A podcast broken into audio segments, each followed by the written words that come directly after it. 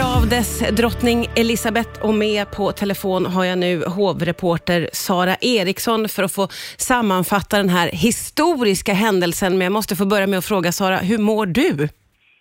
Ja, men, tackar som frågar. Jag mår bra. Det har ju varit en väldigt intensiv bevakning ända sedan drottningen eh, dog. Eh, den här operation London Bridge sattes ju i, i rullning sekunder efter hennes död Mm. och där har vi sett hur den här välplanerade planen liksom till punkt och pricka har, har följts med slutet då igår med eh, drottningens begravning. Ja, och vad var dina intryck av begravningen igår? Ja, men det var ju en, en pampig och en väldigt värdig begravning som verkligen påminde oss om drottningens plikttrogna gärning i över 70 år. Mm. Och eh, den innehöll ju många fina detaljer. Den har ju såklart varit planerad in i minsta detalj sedan en lång tid tillbaka och drottning Elizabeth har ju själv haft ett finger med i, i planeringen. Jaha. Det var ju flera så salmer och stycken som framfördes under ceremonin med, med kopplingar till henne. Bland annat så var det ett stycke som även spelades vid hennes bröllop med prins Philip 1947.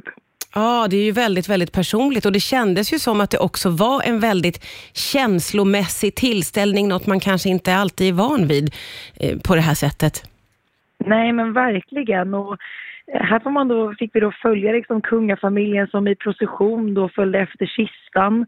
Eh, där såg vi också bröderna då, prinsarna William och Harry för första gången liksom samlas och stå bredvid varandra. Det har vi inte sett på, på över två år efter att Harry och Meghan lämnade kungahuset. Och jag tror också det var väldigt många, inklusive jag själv, som liksom kastades tillbaka i tiden då man såg de här bilderna när Harry och eh, William endast 12 och 15 år gamla gick efter Diana kista Ja. 97. Ja. Någonting som de själva har pratat om, att det var väldigt jobbigt att, att påminnas om det här än en gång. Mm. Var det någonting, tycker du, som stack ut?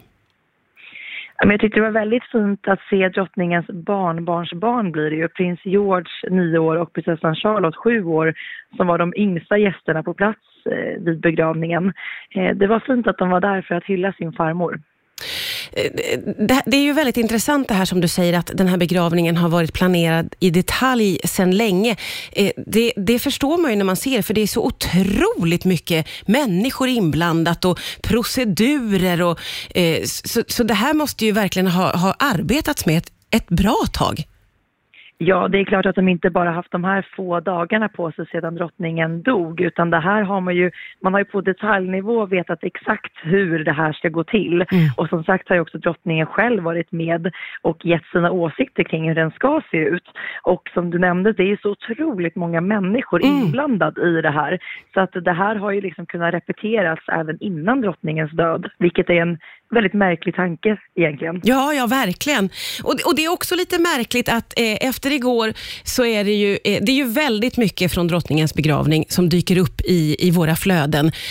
Men mest av allt har jag nästan sett hennes corgis. Ja, det har verkligen blivit viral de här bilderna. När, när kistan då i, i slutet av den här dagen, som ändå blev en hel dag igår, färdades den mot Windsor Castle och eh, kapellet där. Då var ju drottningens två korgis och även hennes favorithäst placerade med, längs med den här processionen och de bilderna som du säger har ju verkligen blivit virala när de då tog ett, ett sista farväl av sin matte. Ja, oh. Sara, eh, får du vila lite grann nu efter detta? Men det har varit en, en intensiv bevakning och det är verkligen någonting historiskt vi har fått bevittna. Nu eh, kommer ju nästa skede då när, när drottningens son, numera kung Charles, har tagit över kronan och det ska bli väldigt spännande att, att följa utvecklingen i det här och hur han kommer liksom sätta sin prägel på det brittiska kungahuset. Ja, det blir eh, bara kortvila för dig hör jag, för det finns mycket att bevaka och vi har all anledning att höras igen. Tack snälla Sara Eriksson för nu. Tack snälla.